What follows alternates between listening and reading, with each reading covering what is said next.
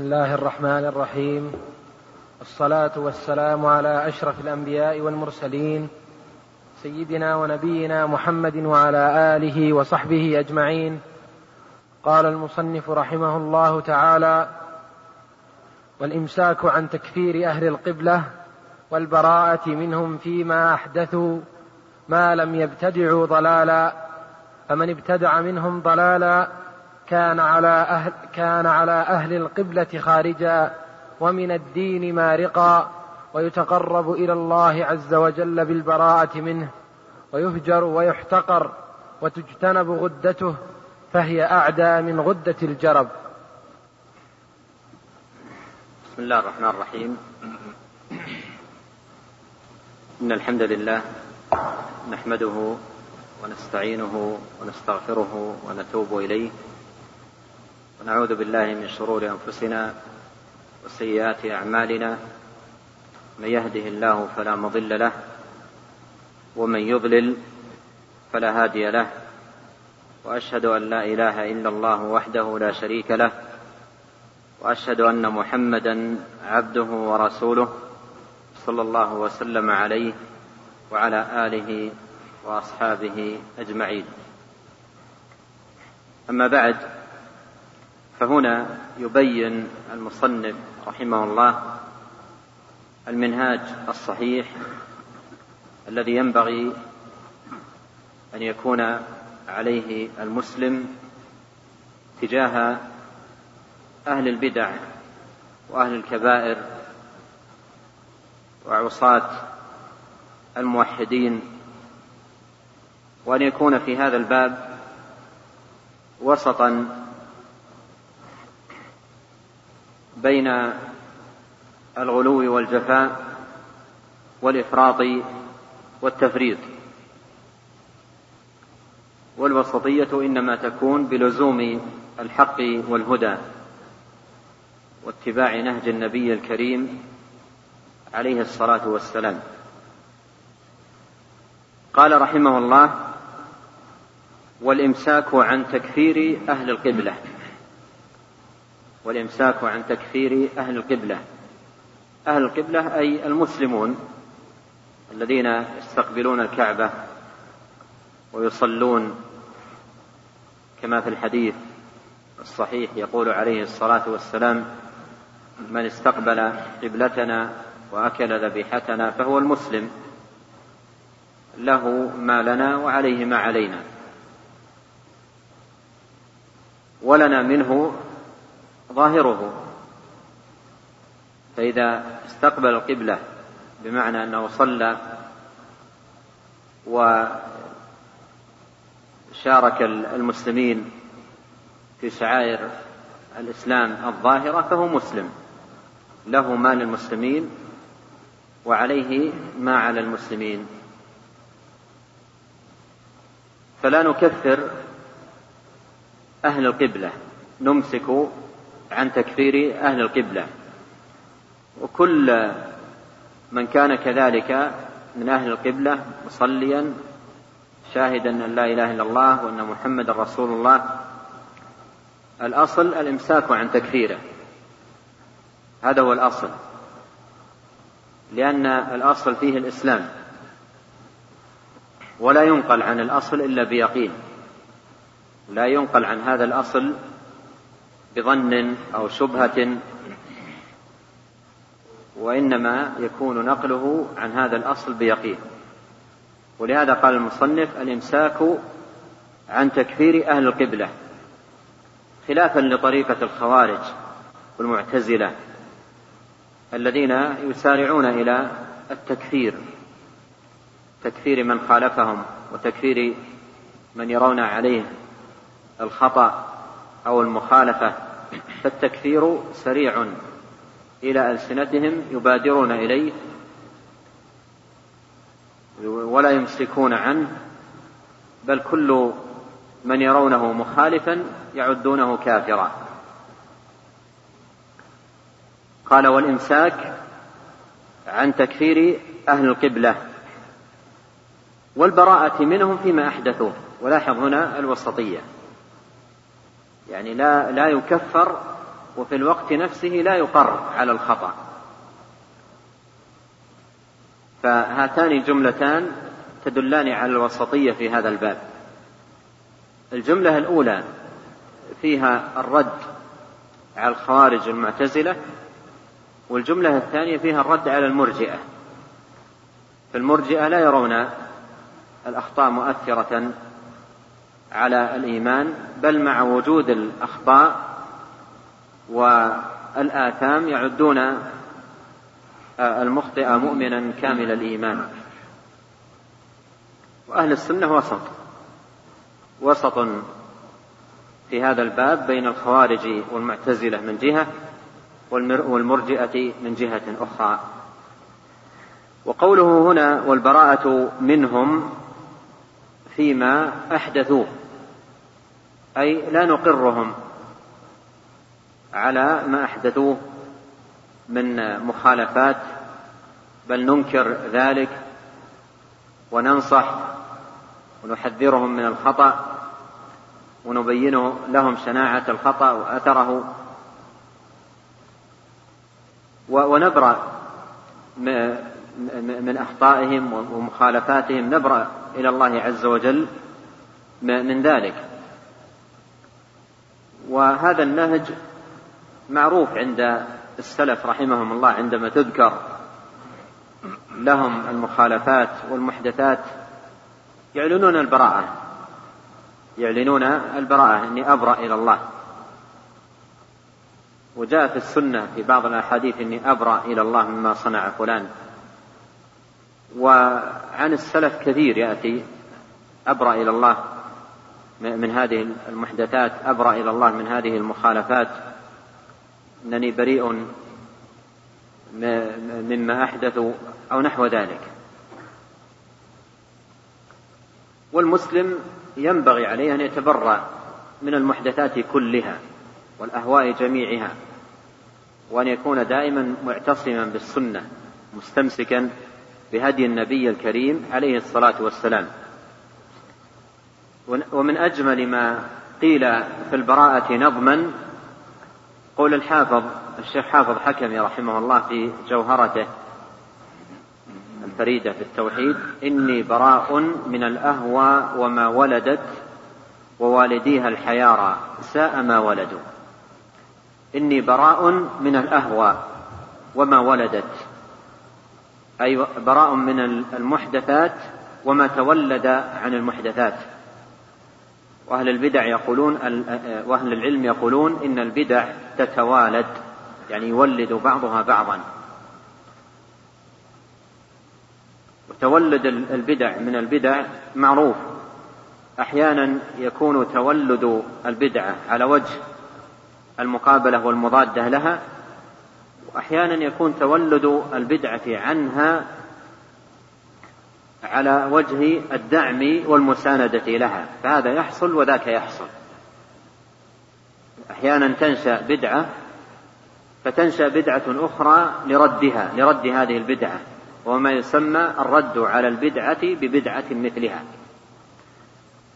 وأحيانا يتولد من البدع بدع أنشئت لمساندة هذه البدعة ودعمها وكل هذا موجود ومن يطالع كتب المقالات يرى هذا وذاك كثيرا. فالمسلم يبرأ إلى الله عز وجل من المحدثات ويحذر منها ويحذر إخوانه المسلمين منها. قد كان نبينا صلى الله عليه وسلم يقول كل في كل جمعة أما بعد فإن أصدق الحديث كلام الله وخير الهدى هدى محمد صلى الله عليه وسلم وشر الأمور محدثاتها وكل محدثة بدعة وكل بدعة ضلالة. وفي حديث العرباض قال عليكم بسنتي وسنة الخلفاء الراشدين المهديين من بعد تمسكوا بها وعضوا عليها بالنواجذ وإياكم ومحدثات الأمور فإن كل محدثة بدعة وكل بدعة ضلالة. قال والإمساك عن تكفير أهل القبلة والبراءة منهم فيما أحدثوه والبراءة منهم فيما أحدثوه. وأمثال هؤلاء لهم حظ من الولاء بحسب ما عندهم من الإيمان ولهم حظ من البراء بحسب ما عندهم من المعاصي والمحدثات. ما لم يكن المحدث ما لم يكن المحدث ناقلا من ملة الإسلام. ولهذا قال رحمه الله ما لم يبتدعوا ضلالا. ما لم يبتدعوا ضلالا. فمن ابتدع منهم ضلالا كان على أهل القبلة خارجا ومن الدين مارقا. ويتقرب إلى الله عز وجل بالبراءة منه ويهجر ويحتقر وتجتنب غدته أي بدعته فهي أعدى من غدة الجرد غدة الجرد تخرج في الحيوانات وهي معدية. فغدته أي بدعته أعدى من غدة الجرد وهذا فيه إشارة من المصنف رحمه الله إلى فائدة من فوائد هجر أمثال هؤلاء. يهجر من أجل أن يسلم الإنسان من بدعته. من أجل أن يسلم من بدعته صيانة لنفسه من بدعته. وللهجر آآ آآ يعني فوائد, فوائد عندما يحتاج إليه ويصار إليه. له فائدة فيما يتعلق بالهاجر وأيضا فائدة فيما يتعلق بالمهجور كما قالوا الهجر للزجر. وهذا الباب ينظر فيه في المص... يعني في فيه في قاعدة الشريعة المصالح والمفاسد فيما يتعلق بالهاجر ويتعلق بالمهجور. ولا يصار إليه إلا بحسب جلب المصالح ودرء المفاسد. نعم.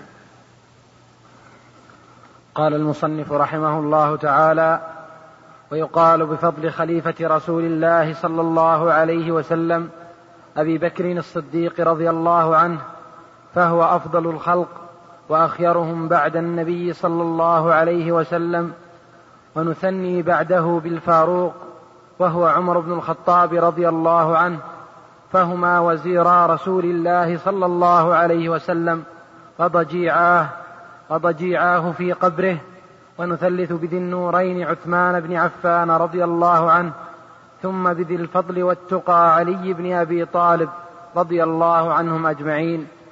ثم الباقين من العشرة الذين أوجب لهم رسول الله صلى الله عليه وسلم الجنة ونخلص لكل ونخ ونخلص لكل رجل منهم بالمح منهم من المحبة بقدر الذي بقدر الذي أوجب لهم رسول الله صلى الله عليه وسلم بقدر الذي أوجب لهم رسول الله صلى الله عليه وسلم من التفضيل ثم لسائر أصحابه من بعدهم رضي الله عنهم أجمعين.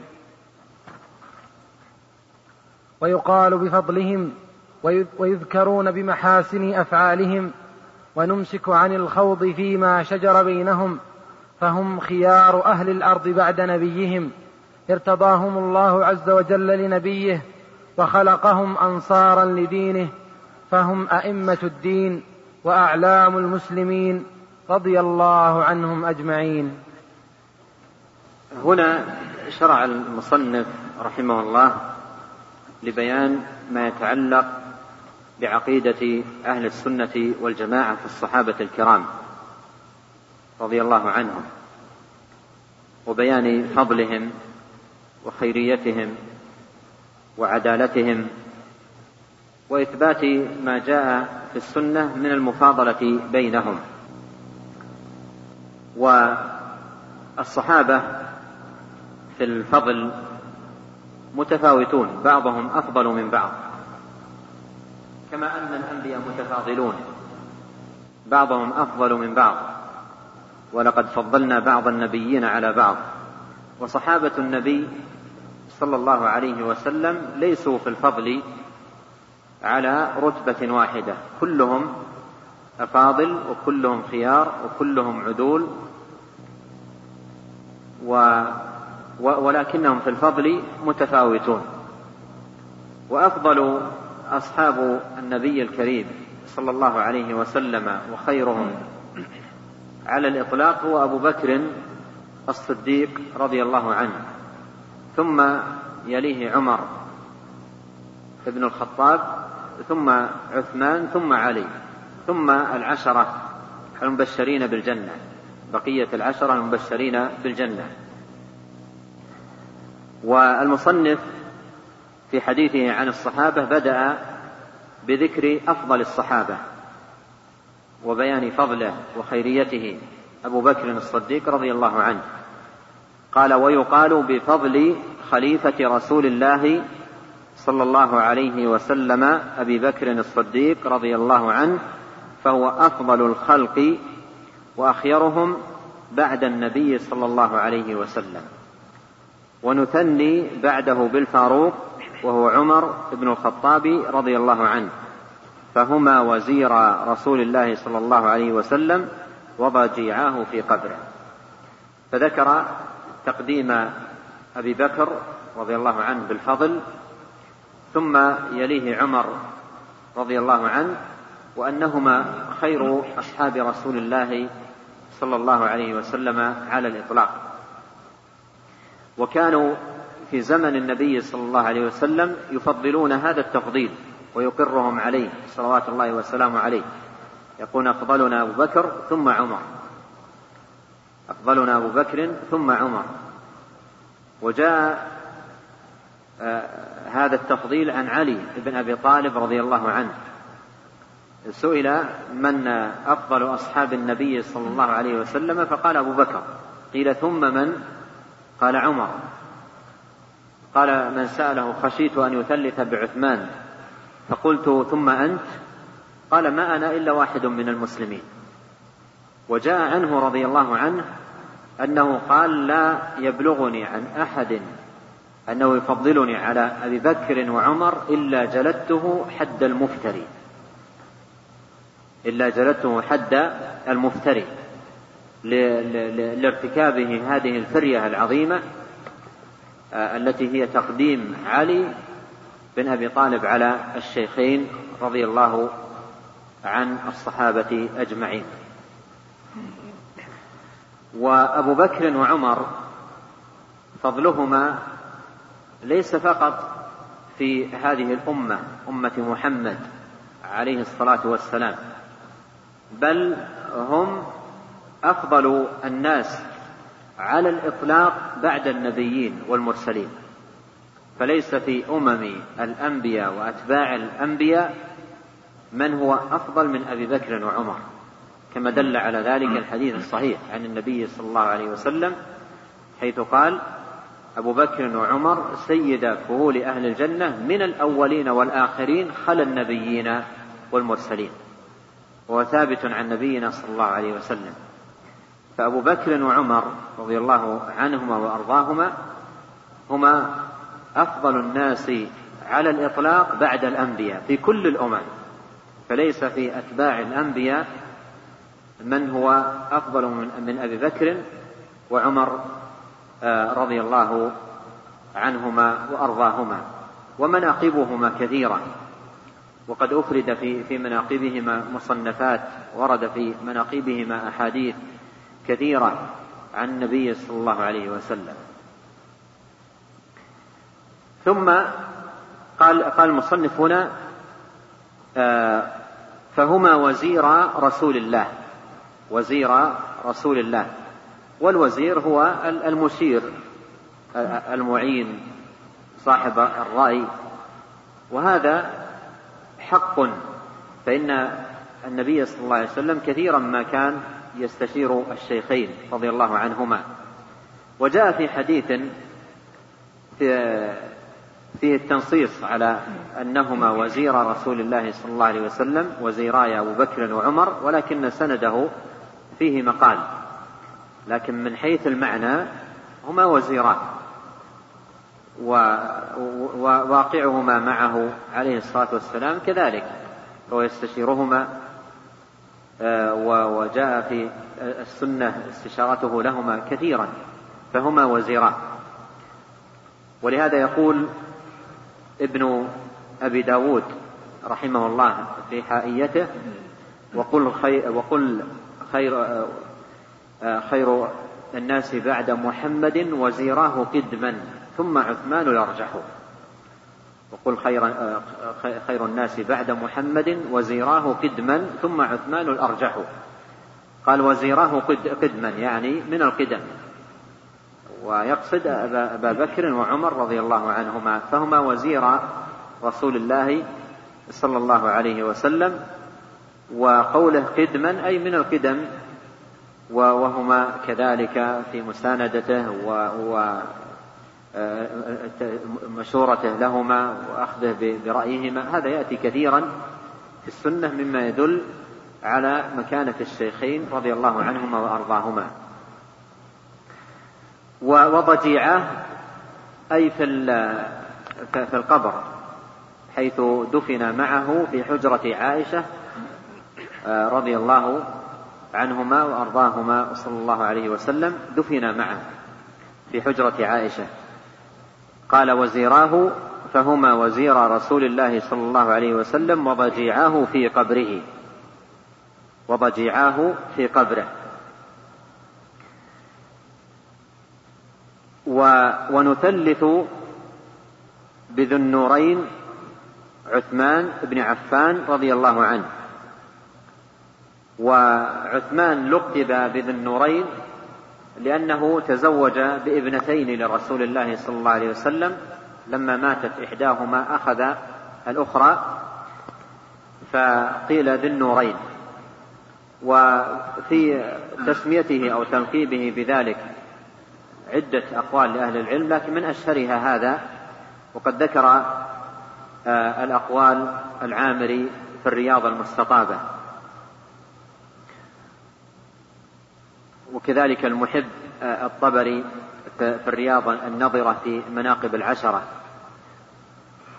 قال ونثلث بذي النورين عثمان بن عفان رضي الله عنه ثم بذي الفضل والتقى علي بن أبي طالب رضي الله عنهم أجمعين. وهذا الترتيب في الفضل هو بحسب ترتيبهم في الخلافة.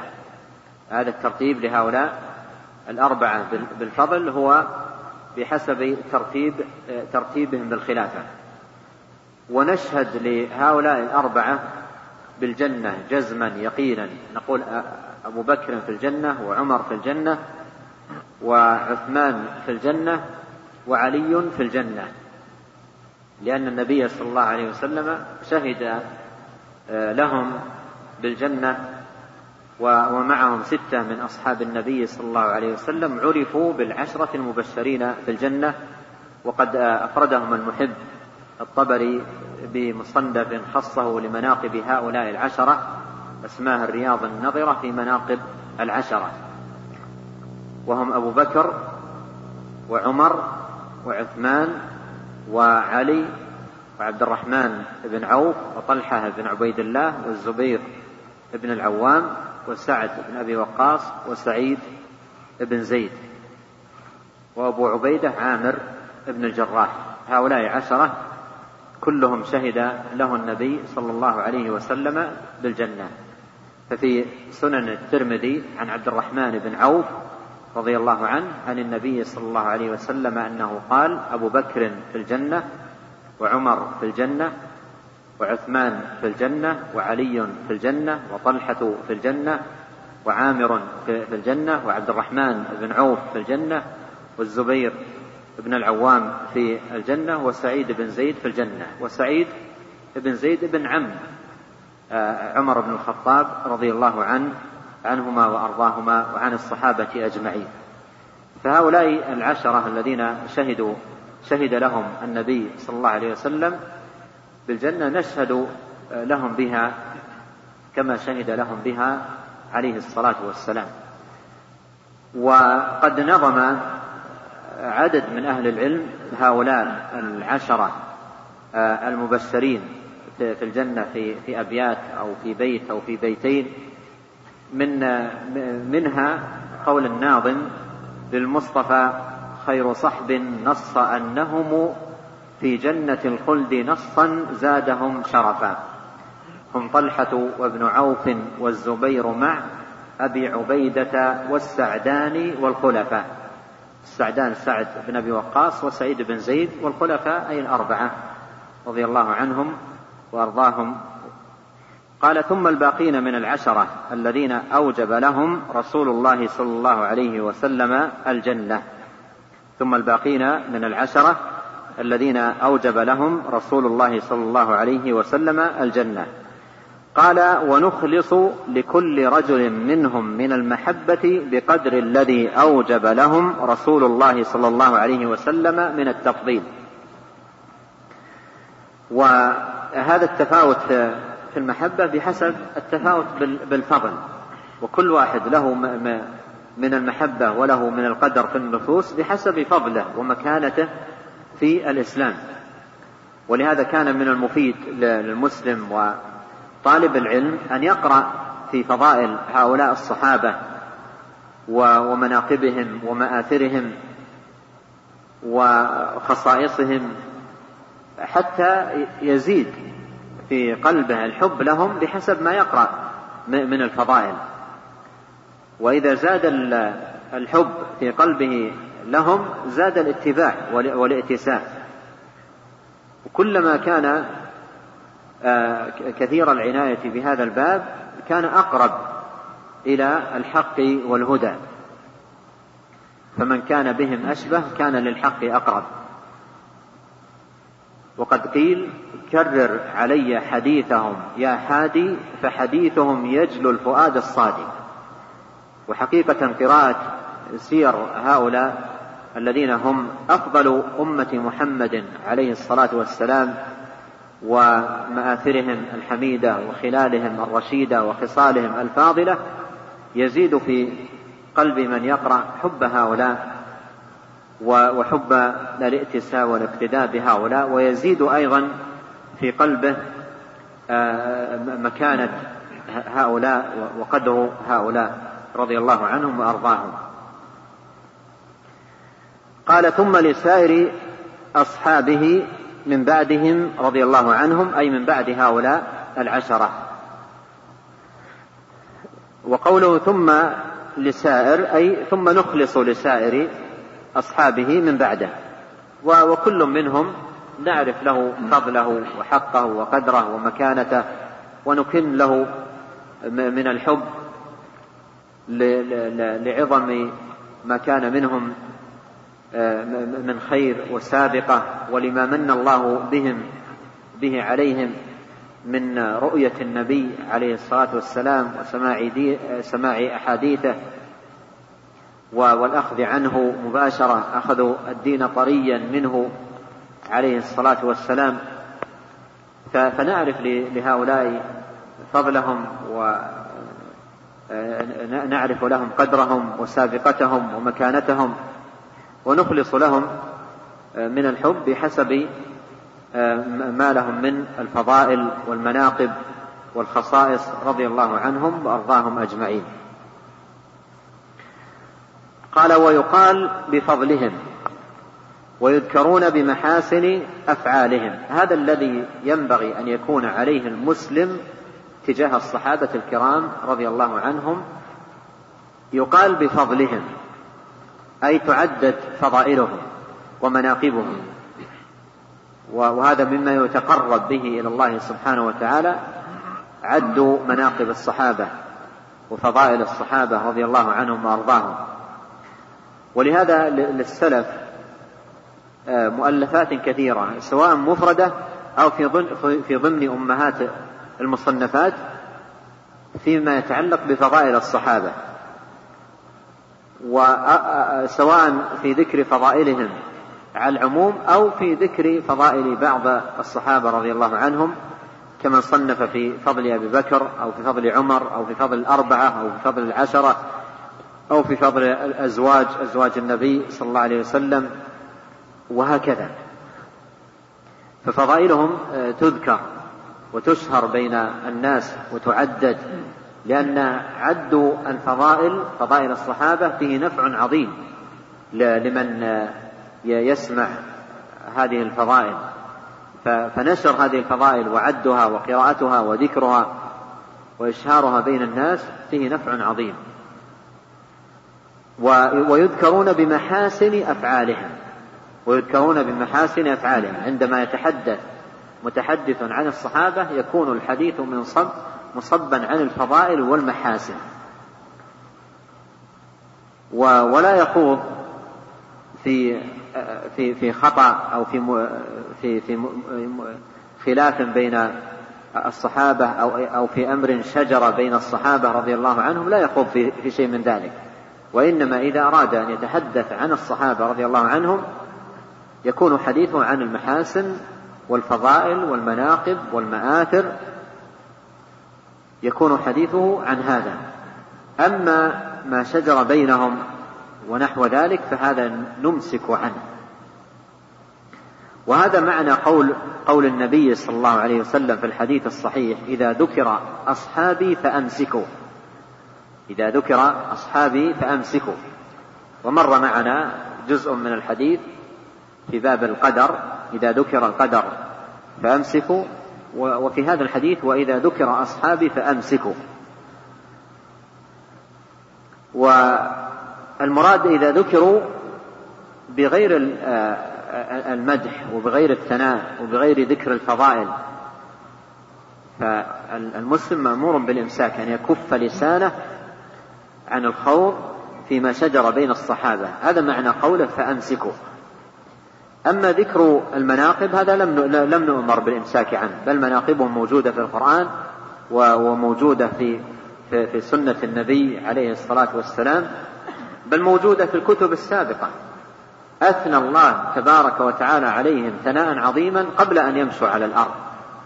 وقرئت محاسنهم ومآثرهم في التوراة وفي الإنجيل قبل أن تطأ أقدامهم على الأرض وقبل أن يوجدوا كما في آخر آية من سورة الفتح. قال الله تعالى محمد رسول الله والذين معه أشداء على الكفار رحماء بينهم. تراهم ركعا سجدا يبتغون فضلا من الله ورضوانا سيماهم في وجوههم من أثر السجود.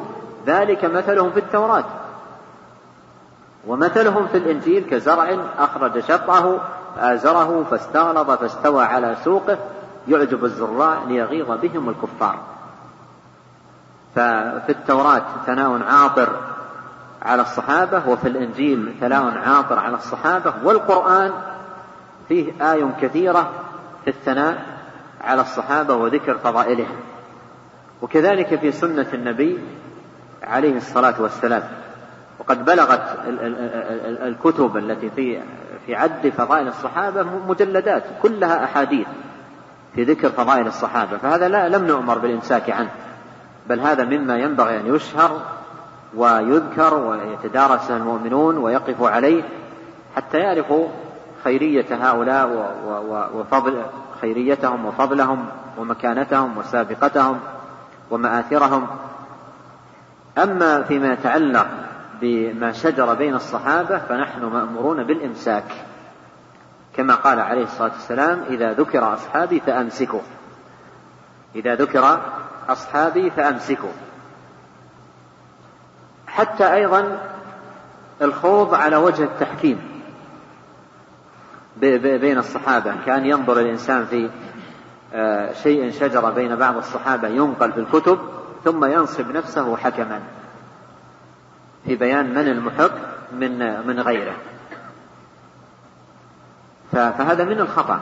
تلك أمة قد خلت لها ما كسبت ولكم ما كسبتم ولا تسألون عما كانوا يعملون. والفتن التي وقعت سئل عنها بعض السلف قال تلك فتنة طهر الله منها سيوفنا فلنطهر منها ألسنتنا. فما يخوض الإنسان؟ لا يخوض في, في هذه الأمور. أرأيتم لو أن شخصا الآن في زماننا فتش في كتب التاريخ ووجد خلافا ومشادة بين شخصين في القرن العاشر وقال أنا أحقق الآن في المسألة. أريد أن أحقق في المسألة وأريد أن أظهر وأبين من المحق من من غير المحق. ينصب نفسه حكما. هذا خوض في ما لا يعنيه وليس مطلوبا من الإنسان أن يخوض هذا الخوض. فالذي كان بين الصحابة أمر انتهى ولا يخرجون فيه عن أحد أمرين. إما مصيب مأجور أو مخطئ معفو عنه مغفور له كما قال عليه الصلاة والسلام إذا اجتهد الحاكم فأصاب فله أجران وإذا اجتهد فأخطأ فله أجر واحد وذنبه مغفور. فمصيبهم له أجران ومخطئهم له أجر واحد وذنبه مغفور. فالواجب هو الإمساك عن الخوض فيما شجر بين الصحابة.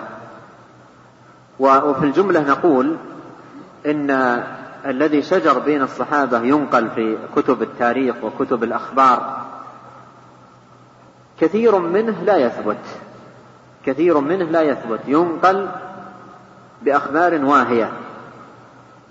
ونقول وبأسانيد فيها متهمين بالوضع والكذب والضعف. وللرافضة يد. في مثل هذا. فمثل هذه الواهيات والأخبار الكاذبة هذه الأمر منها مفروغ بمعرفة كذبها ووهائها وضعفها فلا يلتفت إليها. وما صح من هذه الأخبار وهو قليل جدا ما صح من هذه الأخبار وهو قليل القول فيه على ما سبق. من كان منهم مصيبا فله أجران ومن كان منهم مخطئا فله أجر واحد وذنبه مغفور. وانتهت المسألة عند هذا. وإذا وجدنا من أهل الأهواء من يخوض في شأن الصحابة بالباطل والظلم والعدوان فحينئذ يلزم الخوض في هذا الباب لتبرئة الصحابة. فابتداء لا لا نخوض ابتداء لا نخوض ولكن كما قال شيخ الإسلام إذا خاض فيهم أهل الباطل بالباطل لزم أهل الحق أن يخوضوا فيهم بالحق. من أجل تبرئة الصحابة. من أجل تبرئة الصحابة ومكان ومكانة الصحابة. فيخوض الإنسان ويقول هذا كذب وهذا باطل وهذا لا يصح. وهذا إن صح فهو محمول على كذا. ويبين فضل الصحابة ومكانتهم. وعامة المختصرات المؤلفة في العقيدة لأهل السنة ينصون على هذه القضية. نمسك عما شجر بين الصحابة. قال ونمسك عن الخوض فيما شجر بينهم. فهم خيار أهل الأرض بعد نبيهم ارتضاهم الله عز وجل لنبيه وخلقهم أنصارا لدينه. فهم أئمة الدين وأعلام المسلمين. وكفى بهم شرفا وفضلا أن أن اصطفاهم الله جل وعلا لنبيه واختارهم لصحبته وجعلهم أنصارا له وأعوانا له عليه الصلاة والسلام. نعم. قال المصنف رحمه الله تعالى ولا نترك حضور الجمعة وصلاتها مع بر, مع بر هذه الأمة وفاجرها لازم ما كان من البدع ولا نترك حضور الجمعة. ولا نترك حضور الجمعة وصلاتها مع بر هذه الأمة وفاجرها لازم ما كان من البدعة بريئا فإن ابتدع ضلالا فلا صلاة خلفه. والجهاد مع كل إمام عدل أو جائر والحج ثم عقد أو, أو بين ما يتعلق بالمحافظة على الجمع والجماعات. وهذه أيضا مسألة يؤكد عليها في كتب الاعتقاد. حفظا للجماعة جماعة المسلمين وجمعا للكلمة. ونهيا عن التفرق الذي قد يحدث بين الناس لأخطاء تقع من بعضهم فقد تنفر النفس ثم بسبب النفور تجد البعض لهوى قام في نفسه يترك جماعة المسلمين. وتسمع من يقول أنا لا أصلي خلف فلان أو أنا لا أصلي خلف كذا فيحدث فرقة. فأيضا في كتب الاعتقاد يأتي التنصيص على هذه المسألة حفظا لوحدة المسلمين وجماعتهم وأن لا ينبغي للمسلم بمجرد ما يرى خطأ أو بعض الأخطاء على مسجد أو على جماعة مسجد يقول أنا لا أصلي لا المسجد بيت الله ويصلي فيه المسلمين المسلمون ويجتمعون حتى لو كان عند الإمام أخطاء أو عنده تقصير فالجماعة يحافظ عليها.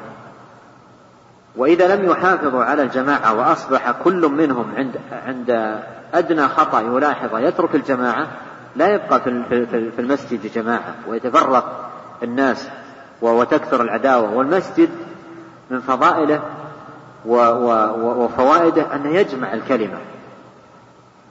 يجمع الكلمة ويؤلف بين القلوب. ولهذا الأخطاء مع مداومة حفظ الجماعة تزول. أما إذا كان الإنسان بمجرد ما يلاحظ الخطأ يترك الجماعة وينفصل عن الجماعة فالأخطاء تزيد. أما إذا بقي محافظا على الجماعة مرتبطا بها ومعالجا في الوقت نفسه الأخطاء بالحكمة والرفق والكلمة الحسنة فالجماعة تكون باقية والأخطاء تزول.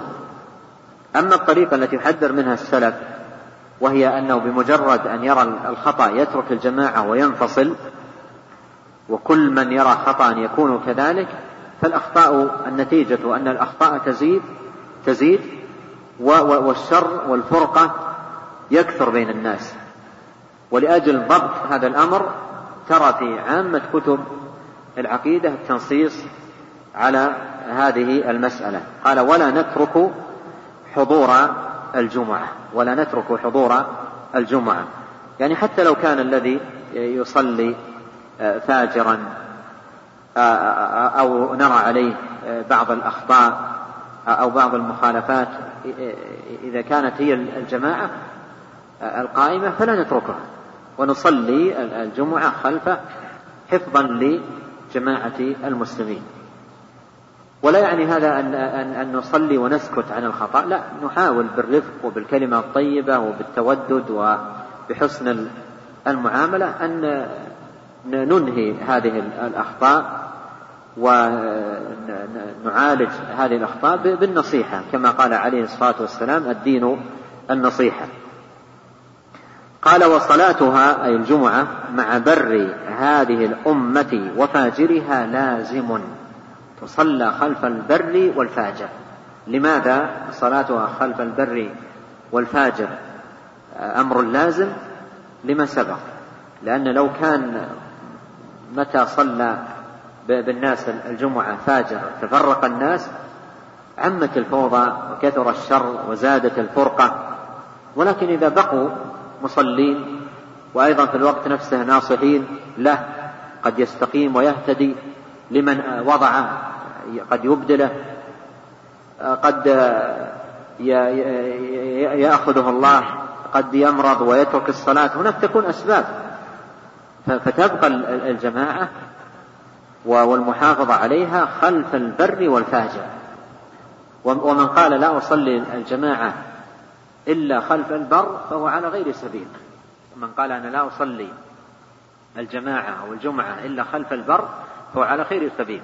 والصحابة رضي الله عنهم صلوا الجماعة خلف من يرون عليهم أخطاء ومن يرون عليهم مخالفات ولكن صلوا الجماعة خلفهم حفظا للجماعة وجمعا للكلمة وإصلاحا آه، للأمر أو إصلاحا للخطأ القائم.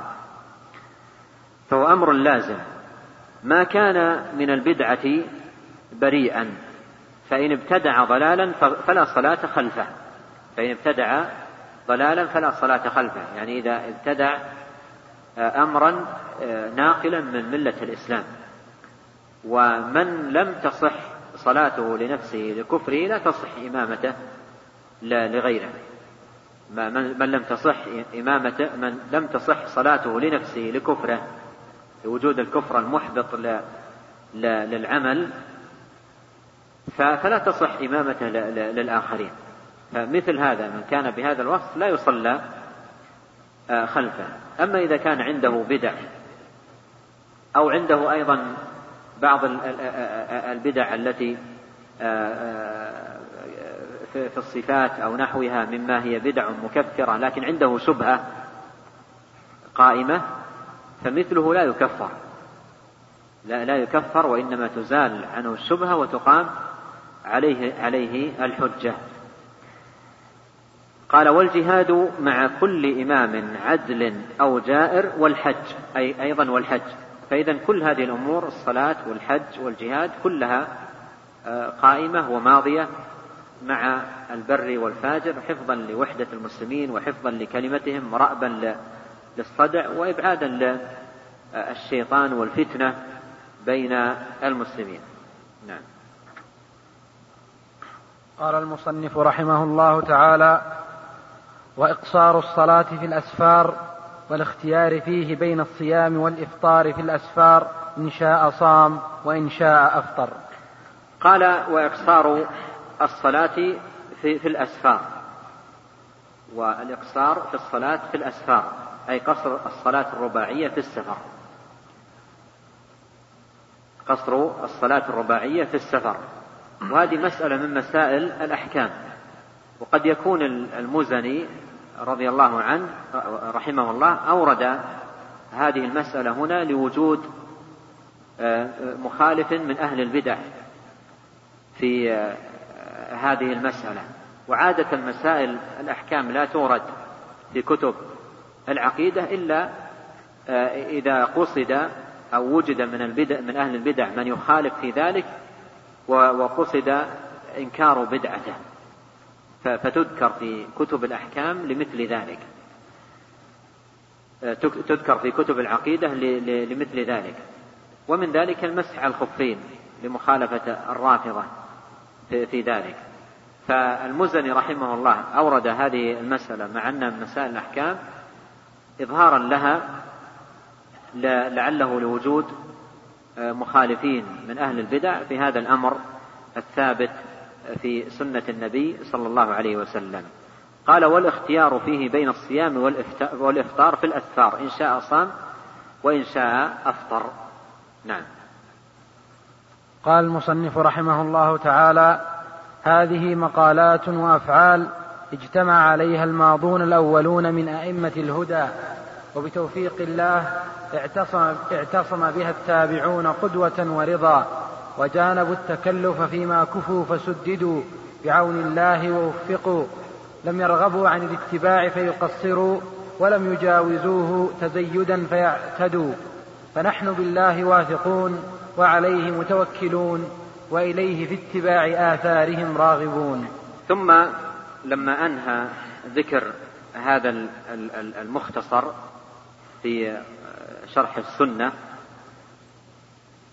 أشار إلى إلى مكانة هذا المختصر.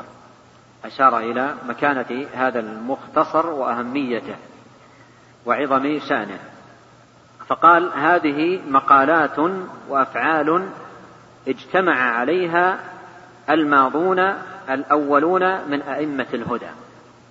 هذه مقالات وأفعال اجتمع عليها الماضون الأولون من أئمة الهدى. وهذا يعني أنه رحمه الله آه، استخلص هذه الخلاصة وهذه الزبد مما آه، آه، قام به أو كان عليه الأولون من أئمة الهدى. فتتبع كتبهم وتتبع آثارهم وتعرف على أقوالهم واستخلص منها هذا الأمر الذي عليه الأولون آه، آه، الماضون من أئمة الهدى. وبتوفيق الله اعتصم بها التابعون قدوة ورضا أي التابعون لهم بإحسان. آه، تمسكوا بهذه العقيدة قدوة ورضا يعني اقتداء بمن سلفهم واتباعا لسبيل المؤمنين ورضا بهذه السنن الثابتة أي أن صدورهم رضيت ذلك وانشرحت صدورهم لتلقيه بالقبول. وهذا أيضا فيه تنبيه على أهمية انشراح الصدر ورضاه بالمأثور عن سلف الأمة وعن أئمة الهدى وتلقيه بالقبول. وتلقيه بالقبول والرضا من الله الرسالة وعلى الرسول البلاغ وعلينا التسليم. قال وجانبوا التكلف فيما كفوا. وجانبوا التكلف فيما كفوا. أي كفاهم فيه ما جاء في الإسلام. ففي الكتاب والسنة كفاية وفيهما غنية كما قال الإمام أحمد من لم يسعه ما جاء في الكتاب والسنة فلا وسع الله عليه. فما جاء في الكتاب والسنة فيه كفاية وفيه غنية للمسلم. وقد كفينا. كفينا بما جاء في كتاب ربنا وسنة نبينا صلى الله عليه وسلم. كفينا عن أن نتكلف أو أن نتخرص أو أن نخترع أو أن ننشئ كما هو الحاصل عند أهل البدع. فقوله فيما كفوا أي كفوا بما جاء في كتاب الله وسنة نبيه صلى الله عليه وسلم. وفي هذا المعنى يقول بعض السلف اتبعوا ولا تبتدعوا فقد كفيتم. اتبعوا ولا تبتدعوا فقد كفيتم. كفيتم أي بما جاء في القرآن وبما جاء في سنة الرسول عليه الصلاة والسلام. وجانبوا التكلف فيما كفوا فسددوا بعون الله ووفقوا. أي حظوا بالسداد والتوفيق. والسداد هو إصابة الحق. وهذا الذي ينبغي أن يكون عليه المسلم أن يكون مصيبا للحق. فإن لم يتمكن من إصابته فعليه بالمقاربة. أما أن ينأى بنفسه ويرمي بنفسه عند البدع والأهواء والضلالات فهذا أخطر ما يكون على الإنسان. فالمطلوب من المسلم أن يسدد بمعنى أن يصيب الحق فإن لم يتمكن يكون قريبا منه. وهذا معنى قوله صلى الله عليه وسلم في الحديث الصحيح إن هذا الدين يسر ولن يشاد أحد هذا الدين إلا غلبه فسددوا وقاربوا وأبشروا. سددوا وقاربوا. سددوا أي أصيبوا الحق و و و و واعرفوه وتمسكوا به فإن لم يتمكن الإنسان من هذه الإصابة فعليه بالمقاربة أن يكون قريبا من الحق مجاهدا نفسه على الوصول إليه. قال فسددوا بعون الله ووفقوا لم يرغبوا عن الاتباع فيقصروا ولم يجاوزوه تزيدا فيعتدوا. وهذا إشارة إلى وسطيتهم بين الغلو والجفاء والإفراط والتفريط. فهم وسط. لم يحصل منهم رغبة عن الاتباع. لم يحصل منهم رغبة عن الاتباع بتركه. إذا رغب عنه تركه. وهذا يعد تقصيرا. يعد تقصيرا وأيضا يعد جفاء. وفي الوقت نفسه أيضا لم يجاوزوه تزيدا فيعتدوا بالغلو في الدين والزيادة فيه. والشيطان لا يبالي بأي هذين الأمرين ظفر إخراج الإنسان من الوسطية سواء إلى الغلو أو إلى الجفاء ولا يبالي بأيهما ظفر يهمه أن يخرج الإنسان من الوسطية والاعتدال. إما إلى جانب الغلو أو إلى جانب كما قال بعض السلف وقد ذكر ذلك ابن القيم رحمه الله في غاثة اللهفان مصائد الشيطان أنه يشام القلب وينظر ما هو ميوله. يعني قبل أن يبدأ بالوسوسة يقوم بدراسة. يقوم بدراسة لميولات النفس وتوجهاتها. هل هي تميل إلى الإقدام أو تميل إلى الإحجام؟ هل هي تميل للاتباع أو هي تميل للتراخي والتفريط؟ يدرس. يقوم بدراسة لنفس نفسية الإنسان وميولاته. فإذا وجد ميولاته للإقدام والتمسك يقوي فيه هذا الجانب بحيث يخرجه عن الاعتدال إلى الزيادة على الحق. فلا يرضى لا يقنع بالحق ولا يكتفي بالحق. ويرى الحق لا يكفي. مثل ما حصل من النفر الذين جاءوا وسألوا عن عبادة النبي صلى الله عليه وسلم فتقالوها. لاحظ فتقالوها. فقال أحدهم أما أنا أصوم ولا أفطر. وقال الآخر أما أنا فأنام ولا فأقوم ولا أرقد. قال الثالث أما أنا فلا أتزوج النساء. فقال النبي صلى الله عليه وسلم لما بلغه ذلك قال أما أنا فأصوم وأفطر وأنام وأرقد وأتزوج النساء ومن رغب عن سنتي فليس مني. ومن رغب عن سنتي فليس مني. فقد يخرجه من من السنة بالغلو والزيادة حتى يكون خارجا عن السنة. وإذا وجده يميل إلى الفتور آه، أخرجه عن السنة بالشهوة. واتباع المحرمات. فالأول يخرجه من السنة بالشبهة والثاني يخرجه منها بالشهوة. والمسلم الذي ينبغي عليه أن يكون في هذا الباب وسطا وخيار الأمور أوساطها لا تفريطها ولا إفراطها. قال فنحن بالله واثقون وعليه متوكلون وإليه في اتباع آثارهم راغبون. وهذا فيه تنبيه من المصنف على مسألة مهمة في هذا الباب ألا وهي أن يفزع المسلم إلى الله وأن يرغب إليه سبحانه وتعالى أن يثبته على الحق وأن يهديه إليه وأن يعينه على الاستمساك به. فهذا أمر لا بد منه. ولهذا قال فنحن بالله واثقون وعليه متوكلون وإليه في اتباع آثارهم راغبون.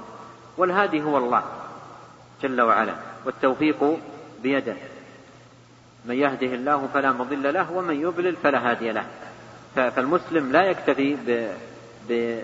بما أوتي من علم أو ما أوتي من فهم ولا يكتفي بذلك بل يرغب إلى الله دائما وأبدا أن أن يعينه وأن يسدده وأن يثبته وأن يجنبه الزلل ومر معنا أن نبينا صلى الله عليه وسلم كان في كل مرة يخرج فيها من بيته يقول اللهم إني أعوذ بك أن أضل أو أضل أو أزل أو أزل أو أظلم أو أظلم أو أجهل أو يجهل علي.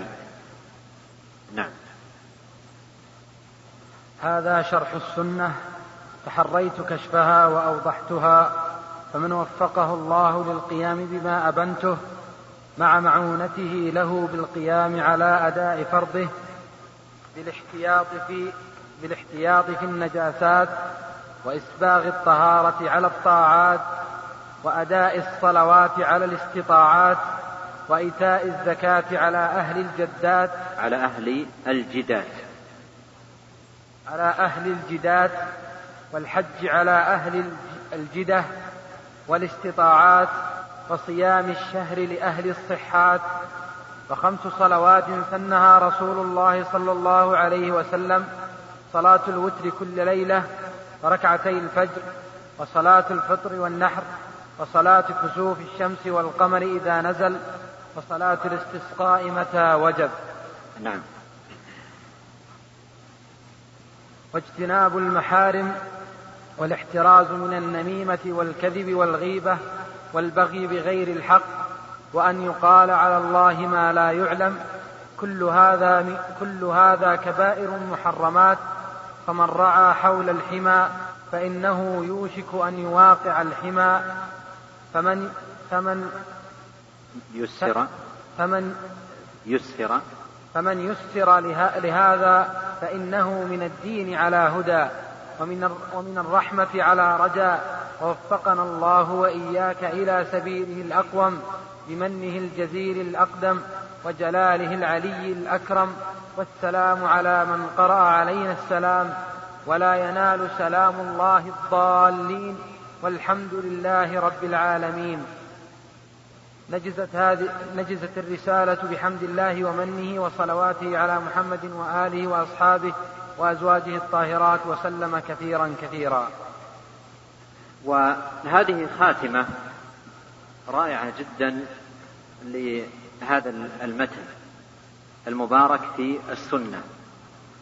وأريد أن نلاحظ هنا ملاحظة مفيدة جدا. السؤال الذي وجه للمزني رحمه الله طلب منه شرح السنة في مسائل الاعتقاد شرح السنة في مسائل الاعتقاد ونص عليها في الصفات والقدر والرؤية إلى غير ما جاء في السؤال. فختم المصنف رحمه الله هذا المتن ببيان الارتباط بين العقيدة والشريعة بين الإيمان والعمل وأن المسلم يجمع بين الأمرين كما هو كذلك في في نصوص القرآن والسنة. وفي القرآن آيات كثيرة آه، فيها إن الذين آمنوا وعملوا الصالحات والذين آمنوا وعملوا الصالحات وفيها عطف للعمل على الإيمان مع أنه داخل فيه تأكيدا لأهمية العمل. في الإيمان ومكانته. ومن العجب أن آه، المرجئة جعلوا هذا العطف الذي هو تأكيد للعمل وأهمية عليه جعلوا هذا العطف آه، مستندا لإخراج العمل من الإيمان. تعكسوا القضية. وانتبه لهذا.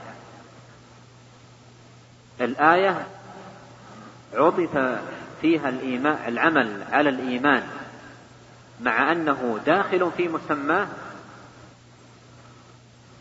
تأكيدا على أهمية العمل تأكيدا على أهمية العمل. وقد يعطف العمل على العمل أو يعطف بعض العمل على الأمر بالأعمال الصالحة تأكيدا على ما ذكر مثل الذين آمنوا وعملوا الصالحات وأقاموا الصلاة. تعطف الصلاة على العمل مع أنها داخلة فيه. تأكيدا على أهمية الصلاة. فعطف العمل على الإيمان مع أنه داخل في مسماه المراد منه التأكيد على العمل. فجعلوا فقلب المرجع الأمر وجعلوا عطف العمل على الإيمان مستندا لإخراج العمل من الإيمان فعكسوا الأمر تماما. والنتيجة التهوين من شأن الأعمال والتقليل من مكانتها. فالمصنف رحمه الله لما بسط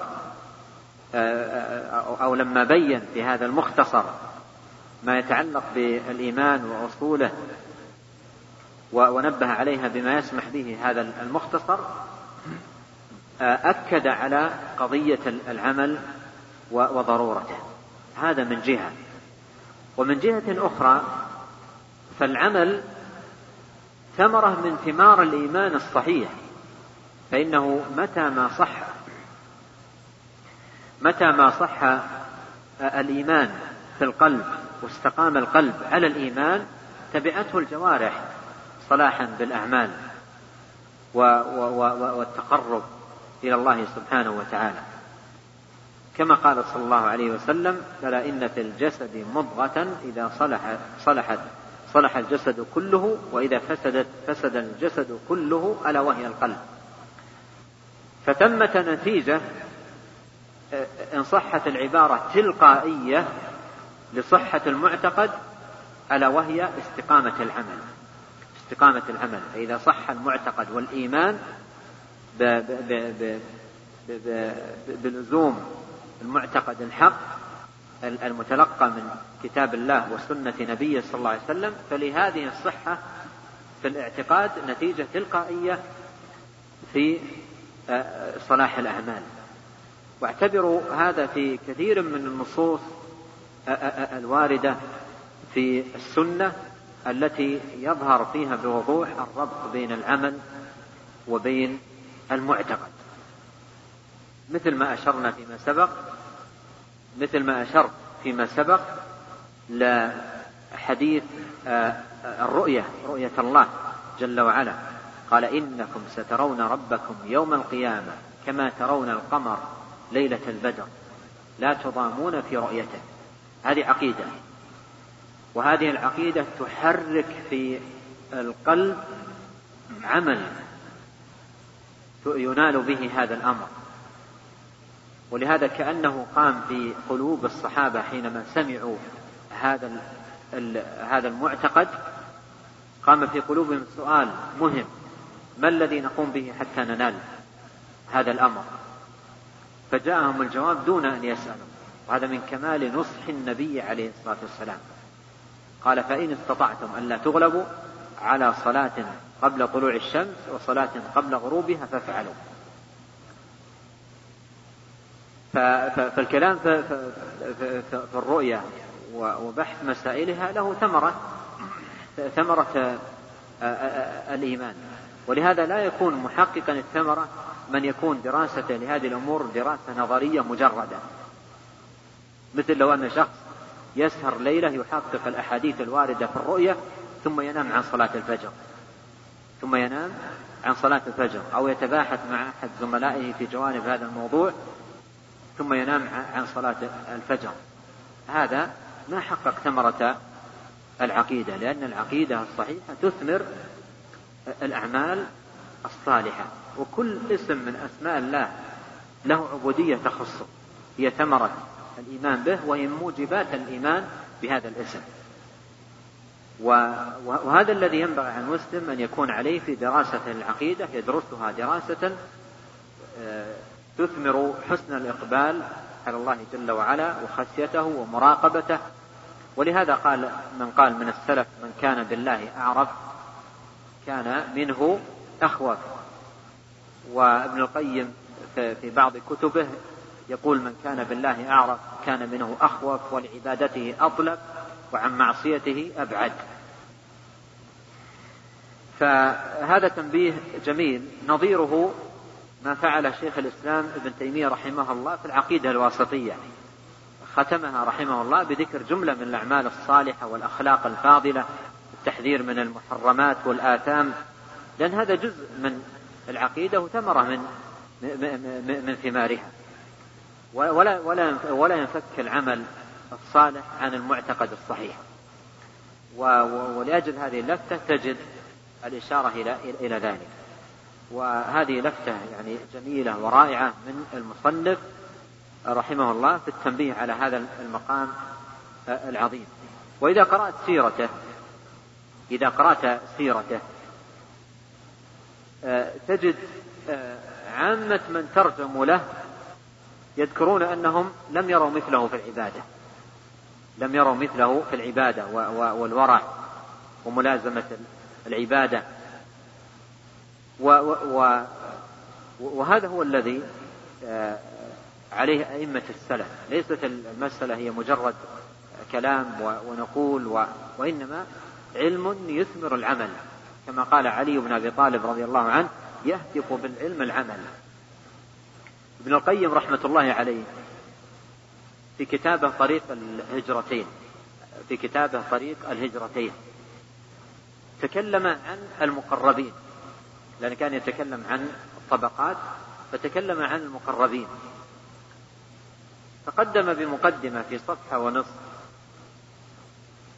يعتذر عن كلام مثله في المقربين. يعتذر يقول كيف مثلي يتكلم وهو ما شم رائحتهم ولا عرف كذا ولا عرف كذا ويتكلم. ثم يعتذر يقول ولكن مثلي إذا تكلم في هذه المسألة لعل فيه فوائد وذكر سبع فوائد. في, في, في, في, في الكلام لكن قدم بهذا الاعتذار. اقرأ سيرة ابن القيم في, في عبادته. يعني حتى إن, إن, إن بعض أصحابه كانوا يلومونه على طول الركوع والسجود. وتقرأ هذا في في ترجمته. فالشاهد أن أن, أن العقيدة آه، لها ثمرة العقيدة الصحيحة لها ثمرة وهذا الذي ينبه عليه المصنف هنا. ولنتابع تنبيهه. يقول رحمه الله هذا شرح السنة. تحريت كشفها وأوضحتها. تحريت كشفها وأوضحتها. يعني تحريت الدقة في في كشف السنة وبيانها وإيضاحها.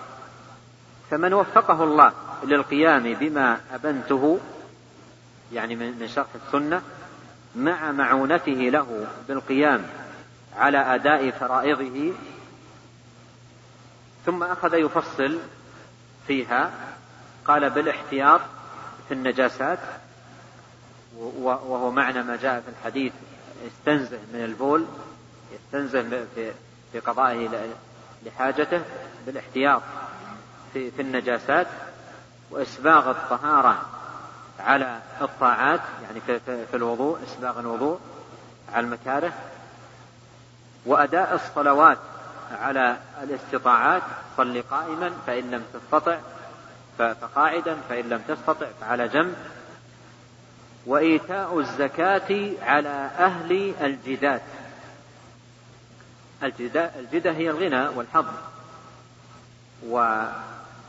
وإيتاء الزكاة على أهل الجدات أي من عنده جدة من عنده نصاب. من عنده مال يبلغ النصاب فإيتاء الزكاة عليه مثل ما جاء في حديث معاذ ثم أبلغهم ب... ب... نعم بأن الله افترض عليهم زكاة تؤخذ من أغنيائهم فترد على فقرائهم. فقوله من أغنيائهم يعني أهل الجدات أهل الجدات أهل الغنى الذي عنده مال. فأما من ليس عنده النصاب فليس عليه فليس عليه زكاة هذا معنى قوله وإيتاء أهل الزكاة على وإيتاء الزكاة على أهل الجدات والحج على أهل الجدة. الجدة يعني من يجد من الزاد والراحلة ما ما يكفيه لبلوغ الحج فيلزم عليه فيلزمه أن يحج أن يحج وأن يبادر. ولهذا جاء عن ولهذا جاء عن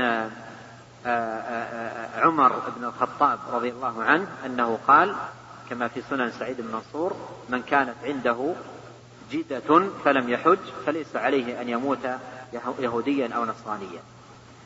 وهنا المصنف يقول والحج على أهل الجدة. والله سبحانه وتعالى يقول في القرآن ولله على الناس حج البيت من استطاع إليه سبيلا. قال والحج على أهل الجدة والاستطاعات. يعني عنده الزاد والراحلة ويستطيع بدنيا فإنه يحج. وصيام الشهر لأهل الصحات. يعني من هو صحيح؟ ليس عنده مرض يمنعه. أو يكون بسببه لا يطيق الصيام. فهذا لا صيام عليه. إذا كان لا يطيق الصيام بسبب المرض. قال وصيام الشهر لأهل الصحات فهذه فرائض وواجبات ذكرها ثم انتقل للكلام على الرغائب والمستحبات. قال وخمس صلوات سنها رسول الله صلى الله عليه وسلم. هذه رغائب ليست فرائض. خمس صلوات سنها رسول الله صلى الله عليه وسلم صلاة الوتر كل ليلة وركعتي الفجر وصلاة الوتر وركعتي الفجر ما تركهما صلى الله عليه وسلم في سفر ولا حضر. وصلاة الفطر والنحر يعني صلاة عيد الفطر وصلاة عيد الأضحى. وصلاة كسوف الشمس والقمر إذا نزل أي إذا حصل الكسوف للشمس أو القمر وصلاة الاستسقاء متى وجب؟ يعني متى احتاج الناس إلى إلى هذه الصلاة ودعا الإمام للاجتماع لها. فهذه سنن ورغائب. انتقل بعد ذلك للتحذير من المحرمات التأكيد على اجتنابها. قال واجتناب المحارم والاحتراز من من النميمة. اجتناب المحارم أي الأمور التي حرمها الله. والله جل وعلا قال في القرآن إن تجتنبوا كبائر ما تنهون عنه نكفر عنكم سيئاتكم وندخلكم مدخلا كريما. وقال سبحانه وتعالى والذين يجتنبون كبائر الإثم والفواحش وإذا ما غضبوا هم يغفرون. في وصفه لعباده المؤمنين الكمل. وقال في سورة النجم الذين يجتنبون كبائر الإثم والفواحش إلا اللمم. إن ربك واسع المغفرة. فاجتناب الكبائر مطلوب من المسلم. وتسمى الكبائر الموبقات لأنها توبق صاحبها وتهلكه. كما قال عليه الصلاة والسلام اجتنبوا السبع الموبقات. قالوا وما هن يا رسول الله؟ قال الشرك بالله والسحر وقتل النفس التي حرم الله إلا بالحق وأكل الربا وأكل مال اليتيم والتولي يوم الزحف وقذف المحصنات المؤمنات الغافلات. وليس هذا الحديث حاصر للكبائر بل الكبائر أكثر من هذا. كما قال ابن عباس إلى إلى السبعين أقرب وفي رواية إلى السبعمائة أقرب. ومن الكبائر والكبائر هي كل ما جاء فيه حد في الدنيا أو وعيد في الآخرة. ما جاء فيه حد في الدنيا أو وعيد في الآخرة. حد بأن يقتل أو مثلا يجلد أو يرجم أو وعيد في الآخرة باللعن أو قيل فيه ليس منا أو قيل لا يؤمن أو قيل لعنه الله أو قيل غضب الله عليه أو قيل إن الله حرم عليه الجنة أو قيل آه، يعذبه الله بالنار. كل النصوص التي فيها هذا المعنى آه، الذنوب التي ذكرت آه، كبائر. والمسلم مطالب أن يجتنب هذه الكبائر أي يبتعد عنها. وقوله اجتنبوا أبلغ من دعوا واتركوا بمعنى أنكم كونوا في جانب وهي في جانب بعيد عنكم. واجتناب المحارم والاحتراز من النميمة والكذب والغيبة. الاحتراز أي البعد يتوقع هذه الأشياء ويبتعد عنها. والنميمة هي آه، الوشاية بين الناس والسعي آه، بين الناس بالقالة بينهم بما يحدث بينهم الفتنة والشر. والنميمة يترتب عليها فساد عريض بين المجتمعات وبين الإخوان. آه، وقد قال يحيى بن أبي كثير اليمامي رحمه الله يفسد النمام في ساعة ما لا يفسده في سنة. خطيرة النميمة. خطيرة جدا في الإفساد بين العلاقات وبين الأخوان. والذي ينبغي على المسلم أن يعرض عن النمامين ولا يسمع قالتهم. مثل أن يأتي شخص ويقول سمعت فلان يتكلم فيك ولا سمعت فلان يذكرك بسوء أو هذه توغر الصدور من حاجة إليها. إذا سمعته يتكلم في لا تخبرني انصحه إيش الثمرة من إخبارك بكلامه فيه لا تخبرني انصحه اذهب إليه وانصحه قل له اتق الله. أما نقل الكلام أو التزيد فيه. يعني قد يكون الإنسان قال كلاما يسيرا فيبالغ النمام في تضخيمه وتكبيره بقصد الإفساد بين الإخوان. فهي, فهي من أخطر ما يكون. فالذي يجب على المسلم أن يحترز من النميمة من جهة أن لا يكون نماما ومن جهة أيضا أن لا يؤثر فيه النمام. فيجعل يتلقى كلام النمام بالقبول ويقع التهاجر ويقع التعادي ويقع. وإذا قال يقول لعلك ما سمعته لعلك ما فهمت كلامه لعل لعلك وهمت لعلك أخطأت ولا يجعل لكلامه وقعا في قلبه فتحدث الفرقة. ويحدث وكم من الخلافات والعداوات والبغضاء نشأت بين الإخوان وبين الزملاء وبين الرفقاء بسبب وشاية النمامين. ومن يسعون بين الناس في النميمة. فالإنسان إذا لاحظ من شخص خطأ على آخر ينصح المخطئ ويترك الذي أخطي عليه في عافيته يتركه في في عافيته. قال من النميمة والكذب أيضا يحترز من الكذب. والكذب شأنه خطير بل هو من صفات أهل النفاق كما قال عليه الصلاة والسلام آية المنافق ثلاث وذكر منها إذا حدث كذب والغيبة وهي ذكرك لأخيك بما يكره. وهذه جاء التحذير منها في القرآن وفي سنة النبي صلى الله عليه وسلم. قال تعالى ولا يغتب بعضكم بعضا أيحب أحدكم أن يأكل لحم أخيه ميتا فكرهتموه.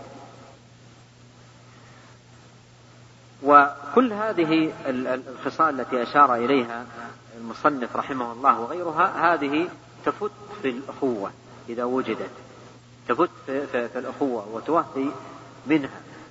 ولهذا قال عليه الصلاة والسلام لا تحاسدوا ولا تناجسوا ولا تباغضوا ولا تدابروا وكونوا عباد الله إخوانا المسلم أخو المسلم. فالأخوة الإسلامية لها مقويات ولها مضعفات. ومن أضعف من أشد ما يضعف الأخوة ويوهيها مثل هذه الأمور ومثل هذه الآثام النميمة والكذب والغيبة وكل هذه من كبائر الذنوب. والبغي بغير الحق أي العدوان على على الآخرين والاعتداء عليهم وظلمهم. وأن يقال على الله ما لا يعلم ما لا يعلم كما قال تعالى وأن تقولوا على الله ما لا تعلمون وأن يقال على الله ما لا يعلم أو ما لا يعلم أي العبد ما لا يعلمه صحيحا فهذا من أعظم المحرمات بل من المحرمات المتفق عليها في الشرائع كلها شرائع الأنبياء كلهم. كما قال الله تعالى قل, قل إنما حرم ربي الفواحش ما ظهر منها وما بطن. والإثم والبغي بغير الحق وأن تشركوا بالله ما لم ينزل به سلطانا وأن تقولوا على الله ما لا تعلمون. فهذه الأمور الخمس مجمع على تحريمها في شرائع كل الأنبياء. وأخطرها القول على الله بلا علم. قال كل هذه كبائر محرمات. كل هذه كبائر محرمات. يعني النميمة والكذب والغيبة والبغي. والقول على الله بلا علم كل هذه كبائر محرمات. ولم يقصد رحمه الله حصر وإنما أراد أن ينبه ببعض المحرمات على باقيها فهو نبه بما ذكر على ما لم يذكر. وأن المسلم يجب عليه أن يجتنب المحارم ومن أمثلتها ما ذكره المصنف هنا. كل هذا كبائر محرمات فمن رعى حول الحمى فإنه يوشك أن يواقع الحمى. هنا ينبه المصنف على معنى لطيف مستفاد من قوله في الحديث اجتنبوا اجتنبوا. ولاحظ أيضا قول الله تعالى في الزنا ولا تقربوا الزنا. فهذا يتطلب من المسلم أن يكون في جانب بعيد من هذه الأشياء. لا أن يرتع حولها ويقاربها ويحوم قريبا منها. فإنه إذا كانت هذه حاله لا يأمن أن يطأ الحمى وأن يقع فيه. كما جاء في الحديث الصحيح أن النبي صلى الله عليه وسلم قال إن الحلال بين وإن الحرام بين وبينهما أمور مشتبهات لا يعلمهن كثير من الناس. فمن اتقى الشبهات فقد استبرأ لدينه وعرضه ومن وقع في الشبهات وقع في الحرام كالراعي يرعى حول الحمى يوشك أن يرتع فيه. الراعي يعني راعي الأغنام. إذا كان هناك حمى لشخص لا يرضى أن تدخل الأغنام في حماه. إذا كان الراعي يأتي بأغنامه إلى جنب الحمى فإن أغنامه يوشك أن ترتع لكن إذا كان بعيد في جانب بعيد عنها ترعى أغنامه وهو آمن من أن تدخل في هذا الحمى. إذا المسلم مطالب بأن يجتنب عن يجتنب هذه الأشياء ويكون بعيدا عنها ولا ولا يقترب منها وهذا يعني أن أن كل سبب يفضي بالعبد إلى الوقوع في هذه المحرمات يسده. لما ذكر ذلك ختم بقوله فمن يسر لهذا فإنه من الدين على هدى ومن الرحمة على رجاء وهذا كلام عظيم جدا. يعني إذا وفقت لهذه السنة المشروحة ولهذه الأعمال المباركة فإنك من الدين على هدى ومن الرحمة على رجاء. وهذا يبين لك يسر الدين. كما قال عليه الصلاة والسلام إن الدين يسر. لاحظ الدين ويسره وأعماله اليسيرة السهلة. عقيدة صحيحة يلقى بها المسلم ربه وأعمال زاكية يتقرب بها إليه ومحرمات يجتنب عنها لما فيها من الأضرار والأخطار عليه في دينه ودنياه. هذا هو دين الله سبحانه وتعالى. فمن يسر لهذا فهو من الدين على هدى ومن الرحمة على رجاء. ووفقنا الله وإياكم إلى سبيله الأقوم وبمنه الجزيل الأقدم وجلاله العلي الأكرم. والسلام على من قرأ علينا السلام ولا ينال سلام الله الضالين. والحمد لله رب العالمين. وبهذا انتهت آه، هذه الرسالة القيمة النافعة لهذا الإمام. فنسأل الله جل وعلا أن يجزي الإمام المزني رحمه الله خير الجزاء وشيخه الشافعي وجميع أئمة المسلمين وأن يلحقنا أجمعين بالصالحين من عباده وأن يوفقنا للحق والهدى وأن يعيدنا من شرور أنفسنا وسيئات أعمالنا.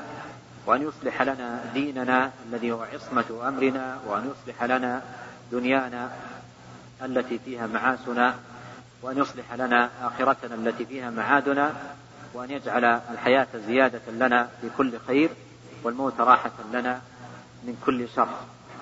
وأعتذر من الإخوة على الإطالة. أظن تجاوزنا قليل لكن بحكم أن الدرس آخر درس فسوف آمن من التبعة على كل حال نرجو المعذرة من الإخوان وأسأل الله لي ولكم التوفيق والسداد. حد 85 عند قول المصنف رحمه الله والإمساك عن تكفير أهل القبلة والبراءة منهم فيما أحدثوه.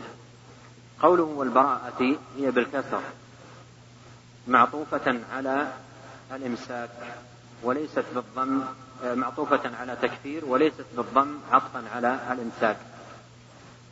فقوله والإمساك عن تكفير أهل القبلة والبراءة يعني والإمساك عن البراءة.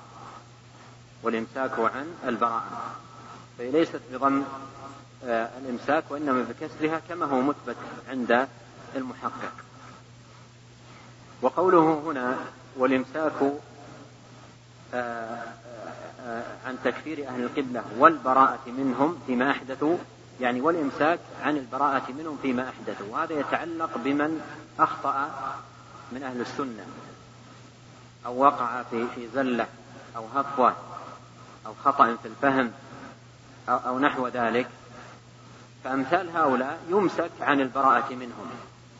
ما, ما يقال في مثله نحن نبرأ منه أو أنا بريء منه لأن هذا خطأ. وكما قال الذهبي وغيره لو أن كل واحد من أهل السنة أخطأ برئنا منه ما بقي لنا أحد. لأن كل يخطئ كل يخطئ. فإذا كان كل من أخطأ نتبرأ منه لا لا يصف لنا أحد ولا يبقى لنا أحد.